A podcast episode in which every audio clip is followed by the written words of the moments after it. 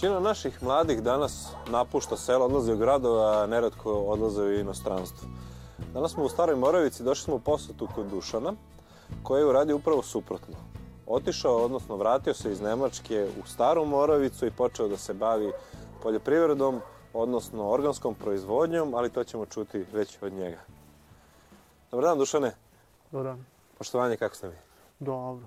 I kak se? Evo, dobro smo, hvala vam. Evo, ispričali smo mali deo vaše priče. Nalazimo se u Staroj Moravici ispred vaše kuće koju ste odlučili da kupite pre dve godine, je li tako? Tako je, da. Kako ste se odlučili, baš zašto baš Stara Moravica? Vezani ste kao dete bili, baka vam tu živi, je li tako? Pa ste odlučili. Kako ste našli kuću, da li su jeftine kuće u odnosu, ajde da kažemo, na Nemačku gdje ste odrasli i živjeli toliko godine? Pa baka je živjela ovdje na Letnju, to je dva ulice dalje. I ovu kuću smo raspitali se i baš ovu malu prodavnicu su rekli da je za prodaj ima to. Mi smo teli kuću za baštom koji ima veći i to je bio naše pitanje. Su rekli ovdje, inače su isto ljudi jako voli da pomožu i svi su dobro komšiji, mislim, baš fino u Morovicu, brzo se družio.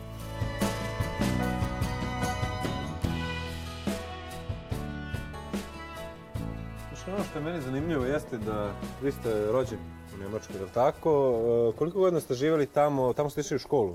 E, Šta ste završili Pa- od škole i čime ste se bavili? Pa ja sam živio više od 30 godina u Njemačkoj i sam eh, išao noma školu, sve ono četiri razred, poslije do 10, do ono 12 i onda sam na fakultet i završio inženjer za geotehniku. Poslije sam išao dole u Bajarsku, sam radio za državu, ono rudarstvo. Prije sam učio ovo, pa to kao, kako se kaže, ovo, kao mašinski, što se pravi, to je bio mene pre, i poslije sam studirao. Bili ste tamo, radili ste tamo, otkud ideja da se pre svega vratite u Srbiju, a ne samo u Srbiju, nego na selo i da počnete Mhm. da se bavite proizvodnjom organske hrane. Kako, uopšte, kako ste uopšte došli na tu ideju? Pa, ja sam uvek, kako sam bio već klinac, uvek sam želio bi da dođem nazad i to bio ideja za poljoprivredno zato da šta možeš da radiš. Mislim, ja sam učio sve na nemački, sam inženjer, ali mene je bio to jasno da ja ne mogu valjda ovdje kao ono inženjer da radim i onda sam volio i na balkon smo počeli kako smo živjeli u gradu, onda napravili si malo paradajs na balkon i baš to smo volili, moja supruga i ja. I onda smo mislili to možemo u Vojvodinu isto, šta volimo da radimo i šta je dobro. Mislim, zemlje su super ovdje, imamo ono crnu zemlju, baš ono černozu, prvu klasu i to sve se došlo, ideja i tako i ovako i onda smo pričali za komšijama i našli plac i sve i polako smo počeli, nije to, to je kao mali proces. I sad još isto napravio kuće, menjamo prozore, betoniramo, inače napravili smo plastenik, mislim to je sve, još nije sve stabilno, ali se uvek bude bolje i više i više. Ide u pravom smjeru, je tako? Ide u pravu smjeru, da.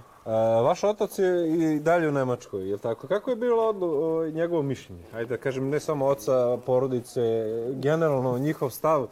Oni su otišli tamo Da. pre ko zna koliko godina, desetina Ma godina. da, da, da. Radili tamo, omogućili vam tamo školovanje, onda sad vi vraćate se ovdje i počnete da se bavite ovim. Kako je bila njegova reakcija? Pa nisu baš bili ono, nisu se radovali, kako da kažem, rekli su da je to glupost, bolje ostane, zaradiš lijepo pare. Ali e, mene nije bio to ono, grad se živi, kažemo, nosi u stan unutra, Z- to je isto luksus što ima na selu, mislim, to je skroz drugčije, to se ne može za parima da se plati, ono, da izađem. U grad si morao, ako hoćeš napolje, mislim, u stan, da se obučeš, mislim, moraš i ovdje da se obučeš, mislim, to ono, sve nije bio sad, brzo skočim napolje, ni, s- ni životinje, ništa i to je isto drugi luksus, ali to ne vidim. Oni samo kažu pa bolje bio pare i lakše život i u, ako samo to gledamo onda jeste, onda jeste tako i mislim, to jeste. Međutim, kod vas je prevladala ljubav prema prirodi i životinja. Vidimo, ovdje imate i koke ste nabavili. Je li tako? Koliko imate komada Pa- i je li to držite ovako za svoju ljubav ili Da, da. e, zbog jaja, prodaje pilića ili šta već? Pa do, zbog jaja, ne za prodaj, samo mi jedemo i njih nekad zato da e, kad imaju male, velike, mislim onda ima nisu sve ženske i onda imamo puno muški, onda, onda moramo. Dušan, ne možemo li da odemo da vidimo šta je to čime se tačno bavite, vaše plastenike? Možemo, slobodno. E, hvala vam.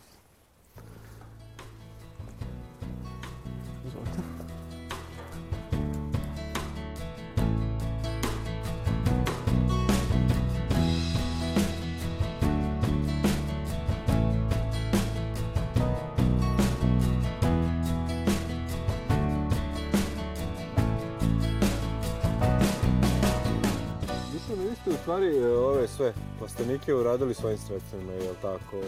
Deo ste dobili e, sredstava od subvencija. Da li je bilo teško isfinansirati sve to? Skupo to bilo? Pa dosta skupo jeste, mislim materijalni, sad ne znam ovaj možda 7-8 hiljada bio, ne ni znam 100%, zato smo polako sve kupili kako smo pravili. Onaj drugi nešto 30 hiljada evra došlo, ono veliki. Smo, nismo za mali, a drugi na treći nismo isto subvencije, nego da ono četvrti, zato da to nismo sami napravili, mislim, nego bio gotova konstrukcija, onda sam dao račun unutra, da oni povrate i bio on problematičko zato da ja sam u toaletu dobio i oni sam pitao mogu da počnem jer će nulovati plac, onda nisu teli to i kaže da kad popišem i onda čekam, čekam, ne čujem i onda u mene u december oni zovu, možeš da dođeš da potpišeš i onda sam ja išao. Manje pare sam dobio nego što su reklamirali, mislim, to je prvi. Ali inače bio sve isplaten, nije, nije da me stopira to, zato da sam imao ali onda smo morali stvarno u zimu, zato smo u zimu počeli, niko u grupi ne po... I onda pitam ja, možemo da samo foliju ne stavimo, bar zuva vetar i ono folija, znaš što to, koliko snage to ima. I ona inženjerica isto u Topolu isto rekla, pa pitaće, ali oni novi sad su blokirali, onda smo morali foliju da stavimo. I hvala Bogu nije se ništa desilo, samo u zadnji dan kad smo već bili gotovo, onda je, ono lutre, medavine su pukli i mi smo tri stajali, ali mogli su skočimo, inače bi pali 4 metra, pa e, nije, nije se desilo ništa. I ka, tek smo bili gotovo, ja mislim tako 9 sat ujutro, inače su pola vremen nam dali nego što je bio pre rekao da imaš toliko i toliko vremen. Oni ne diferenciraju jer imaš ti 10 kvadrat, plastenik 100 ili 1000, oni ima to je sve jedno u Novi Sadu, oni kažu jedan plastenik dobiješ 15 dana i ajde pravi kako možeš. I puno su greške i desili, nismo ni znali kako sve, a nismo ni imali vremen da pomislimo puno, zato da oni su baš naš terali još u zimu, ne, mislimo to. E, ako bi sad odlučio, ne bi uzimao subvencije.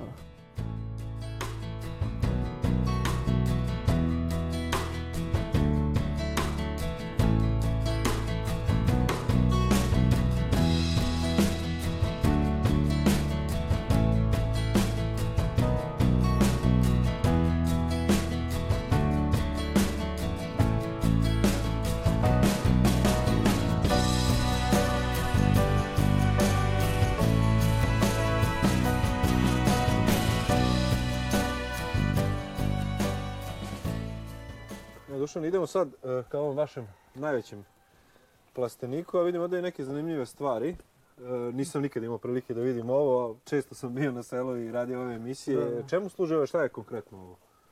Pa to je kotla, to smo sad e, baš novo na- dobili. Isto su konkurišali, ali u Mađarsku. I to se može pet bale da stavi se unutra, ima 500 kW, onda on zagrije vodu, tamo su ceve unutra, to priđe tamo ovo bateriju, tamo je 10.000 liter voda unutra, onda imamo ceve unutra, to ima, pasuje 3.000 liter vode unutra i on to možemo da preko dan, to je plan da pogrijemo preko dan vodu kad je toplo, kad ne treba i onda ono baterija izdaje u noću. Da, ako smrzne ili nešto ono malo pag stepene da možemo da ne prvi smrz, da ne skida nama sve, da možemo sezon podužiti ili ako sad došlo bi nešto ladno, špontano u marciju, ili da možemo onda da reagiramo ako gledamo. Znači, to je u suštini nešto savremeno, ajde da kažemo novo u, Da. u ovoj proizvodnji.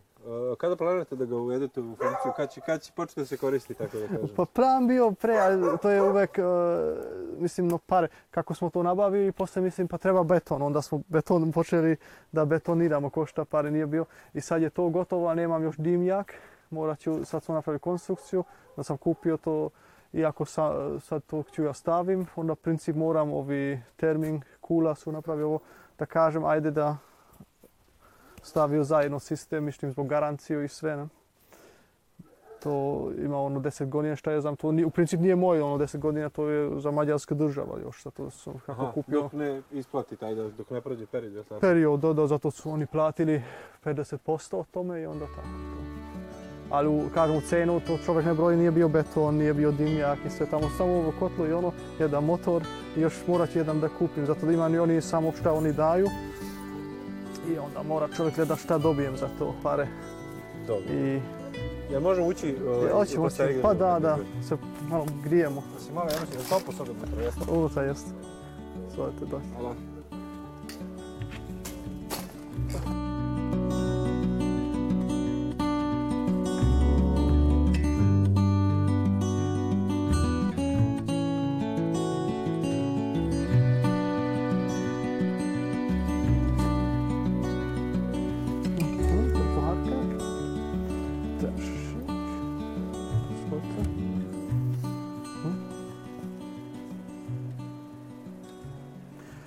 Da, tu smo sad u prvi plastenik što smo imali. Ovdje tako možete pomisliti stoje jedan veliki. I tamo smo onda napravili paradajs, unutra napoje smo imali karfio, poslije smo ono drugi, treći plastenik imali. I sad e, napravimo baš ovo za paradajs, najviše rasadnik, imamo i paprike. I još tražimo ono meru, zato smo imali u prvi godinu još krastavac i to je bio jedna jako puno za pijac. Je ok, to mogli bi još više. I poslije smo zadnje godine papriku pravili, a isto bio puno i sad ćemo papriku, paradajs, e, sve. I da imamo što tržište može da kupi. Ovdje grijamo, imamo peć smo stavili tako. Ako nije dosta imamo još gas, jer ako peć dimi onda za gasom izduvam da... Zato na noć ovi trebaju isto vazduh kao mi, u, preko dana napraviju vazduh, ali u noć e, uzmu vazduh i ako bi pustio dim onda bi umreli. Ne bi preživjeli ovi mali, slabi su još. I pomoć nemam, pa supruga ja mi napravim sa šta je znam, danas jutro sam isto u 12 i jutro s 4 došao da stavim malo na vatru da se grije, kad je ladno napoje, onda se mora da gleda, mislim da je temperaturu merimo i gledamo ono vazduh koliko vode ima i sve mokrinu. To mora se da drži, mislim, 30 stepene već nije, nije baš sad je puno otišlo malo zato da sunce napoje i sve se grije. To 15 stepene kad su već takvi veliki ok, kad su još seme onda treba 20 da imaš konstantno plus minus. I to se poslije zna. Pre nismo znali, onaj prijatelj puno pokažao i pa internet i knjige. Ja sam kupio knjige, čitao sigurno pet ovi kako sve. Baš, baš sam zato kupio da napravim organski, mislim. Nije onaj prijatelj koji kaže, on rekao za to prskaš, za ovo prskaš. Ko šta, kod nas u baštu rastu kopriva, to je utopen i onda ima on nitrogen isto, moram da jedu isto biljke, ali to je skroz prirodno. Nije, jako uzmem smrdi jako, ali to ako njima dam, onda smrdi cijel plastenik, ali tako je to. Mislim, ako s kemiju pravi čovjek i ovi kemijski NPK kupiš, onda to je za puno ljudi lakše, zato da to je već tako kako treba i kako kažem, to nema nikakvu smrd, ništa, ali prirodno ima ako tako mora se onda kao zemlja, ali dobro to.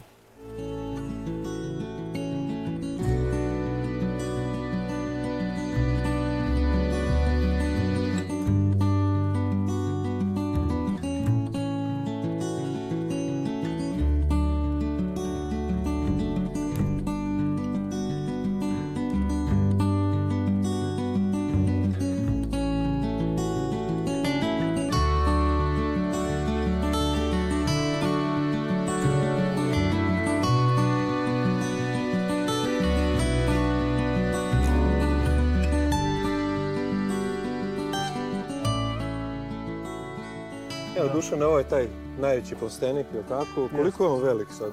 Delo je meni zaista jako veliko. Pa tako sa 4 metar i do kroje 6. Mi vidiš gore imamo isto za ventilaciju da izvuče uz dva stranu. To je što sam rekao da ne sve dužo da bude, ovo ima 24, to je super za prirodnu ventilaciju i sad u krov možemo isto otvoriti. Imaće ovo zenzore isto ako je jako toplo da se samo otvori krov i zatvori to Znači, to je nas- najsavremenije. E, Recite, meni su upalo u oči ove cevi. E, Jel to ovaj, za sistem grejanja, jel tako? Da, to će, ono što smo vidjeli ono, za grijanje, ovdje što sam rekao, ako izbrojimo ima 3000 liter vode unutra, to će ono topla voda da uđe unutra i ladna voda da izađe i onda se opet pregrije. I to kao ako dođe neki mraz da može se malo izvučiti to, ako ima jedan, dva dana, jer i šta ja znam da ne istučiti sve, ako imamo paradajs ili nešto drugo, ali sad u moment će biti opet paradajs ovdje. Znači, opremljeni ste praktično za sve uslove. A, pošto ajde, sad tek je februar, tako da kažemo još uvijek nema ništa, a posebno nešto malo je ostalo, jel te ovdje salate, e, nešto ste belog luka sadili. Da, da. Ovaj, šta je u planu da se sadi ove godine konkretno baš ovdje u ovom plasteniku? Pa, ono, kultura bit će opet paradajs. Mislim, to je, mi, mi volimo i bit će više vrste opet. Mi imali smo ono malo žute i bit će ono čeri oni mesti. Pa, a najviše standardni isto koji su ono, još ono ukusni, lijepi vrste. Ja hoću upravo da kažem još par ono, salatu i da stavim kod njih da vidim kako te ide da imam ono mix kulturu. I zato sam i stavio ovo beli luk e, da dobije zemlja ovo od nešto drugo ukus i vrste od beli luk i hoću postoji malo luk da stavim još da, kako da kažem, da se pomaže oni biljke zajedno. Prijatelj, biljki prijatelj, kako to Tako zove. da, da, da, to Kad sam kod uh, toga, teo sam da vas pitam, uh, vi ste, uh, vi radite organski, odnosno način proizvodnje vam je organski, još uvijek niste dobili sertifikat organske proizvodnje, nalazite se u postupku ili tako konverzije. Da, mi smo, mislim, princip smo uvek organski napravili, gledali smo biodinamički seme da nisu tretirani i sve, ali nismo prijavili, sad smo prva godina prošla, sad dobijemo ćemo ono broj, kod OCS u Suboticu smo, to smo priznali OCS zato da smo bili udruženje Terasu, to je ja mislim najstarije udruženje što je ovo ekološki, biologski, još u staroj Jugoslaviji bio. I tako smo priznali od drugaroma i onda, onda sam je došla ideja da certifikujem se. Zato sam ja uvek rekao ja napravim organski, da sam pravu napravim, ali bez certifikata to je kao da ne napravim, mislim. To. Ne možete dobiti tu cenu, jel tako, kod Pa da, cena isto i, i u princip nema ono kontrol. Mislim, ako me poveruje, poveruje, ali kontrol je drugi stvar, ne? Mislim, papir. U gradu, jer mislim ovdje selu Morovice, ovi znaju svi. Kako ide plasman? Da li ide od usta do usta, idete li na pijace, da li su čuli za vas ljudi, kako to funkcioniše? Pa mi smo išli i na pijac, e, probali smo i na veliku, na veliku, baš e, posle smo prestali ono kvantaž, mislim u subotu, zato da to je katastrofa tamo. Tamo su cijene isto bez veze i više su proda, ko prodaju nego koji hoće i nismo više išli i onda smo napravili na pijac isto, ali sad samo idemo u Morovicu na pijac. Znači drugi pijac isto bili dobro, ali e, proizvođači zato ne idu na pijac, mislim ja idem onda za Paradise, imam samo Paradise, onaj drugi ko ne proizvodi, on ima sve i onda ljudi su navikli, poslije su već došli i kod mene, a mene to nervira, onda dođe on i kaže ajde sad 1000 dinara da platiš, onda ja dam njima da prodaju Morovicu pa da idem, to, to je kao dom, mislim ovdje idemo dole, isto znaju ljudi i kupi. Iako i drugi jeftini, inače isto kupi zato da je ukus drugčije, mislim, lepše ukus. Imamo konstantno lijep ukus. Dobro, mislim u november, sad smo do 1. december imali zadnje godine, onda nije više taj ukus. To je onda, zato da nema sunce, mislim sunce treba, biljka šta jede, onda počne da ne bude tako lijepo, ali ipak još bolje nego što dobiješ u supermarketu. Ne. Zato mi ne beremo kad je zeleno, mislim. Da. To mene, Ovaj prijatelj je rekao da to se može da bere zeleno i da se staviš u lager i onda da se, ali ja ne napravim. Ja, kad je crveno ja berem i onda ide na pijac jer i u mali prodavnice dam u Morovicu. Nosio sam i u Suboticu mali prodavnici, ima ono bio prodavnica. U grad centar sam isto nosio. I onda smo napisali ja sam u konverziju, mislim nisam rekao da je organski, a zato ne smijem bio iz konverzije, oni su tako napisali od koga je i pa platili su i ljudi su kupili do, i onda opet zvao da hoće više.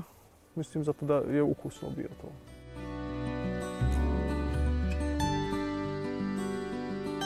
To je organski se ako ne mora ne kopat, da ne povrtimo ovo zemlju, da ova biološka, zato da život je u 10 cm i da ne ono 30 nosimo gore i ono što je živ dole da umreje.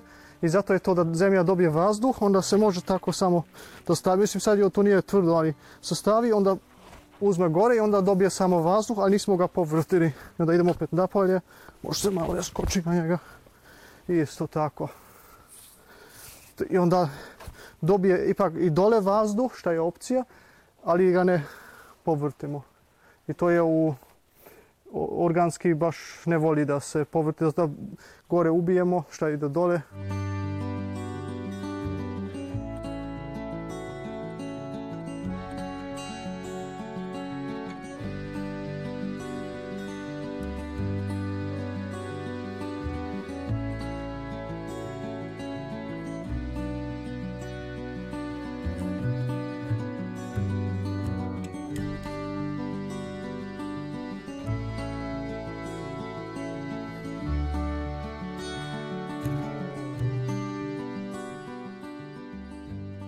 Imamo koricu, to smo isto napravili da ide na ozošine, što je isto koristimo za grijanje i onda može se da penja gore.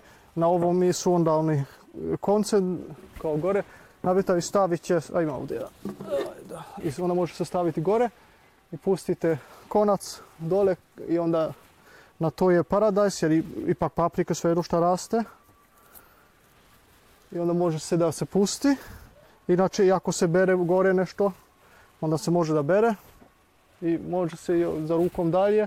I ako on je već skroz gore, onda možemo jedan ovo da uzmemo i samo tako prebacimo, to znači on ide dole i se pusti, onda ima opet 10 cm da raste, pa to je jedna nedelja, ovo 12 cm ima i otprilike paradajz 10 cm raste svaki nedelje i onda se može da pusti, da, to smo stavi na 3 metar, mogli bi na 4, ali onda bio skroz gore, zato smo 3 da ima i gore 3 metar još zbog mikroklimu.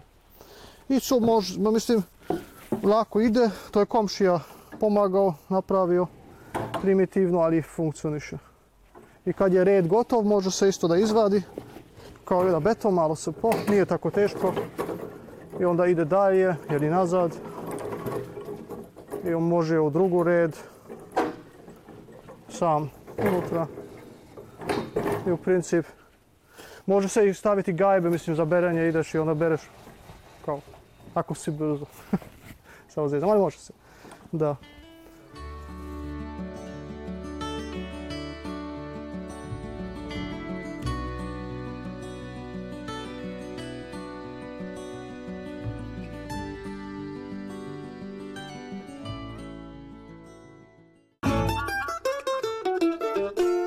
Kad sam se odlučio da vratim iz Njemačke u Srbiju, sam mislio da bit će fino kući, ja sam se rado da radimo za zemljom i za komšijom, mi imamo prijatelje puno i posao isto svilja je da se lijepo za zemljom raditi, to je najlepše, mislim što možeš ako je prirodno sve.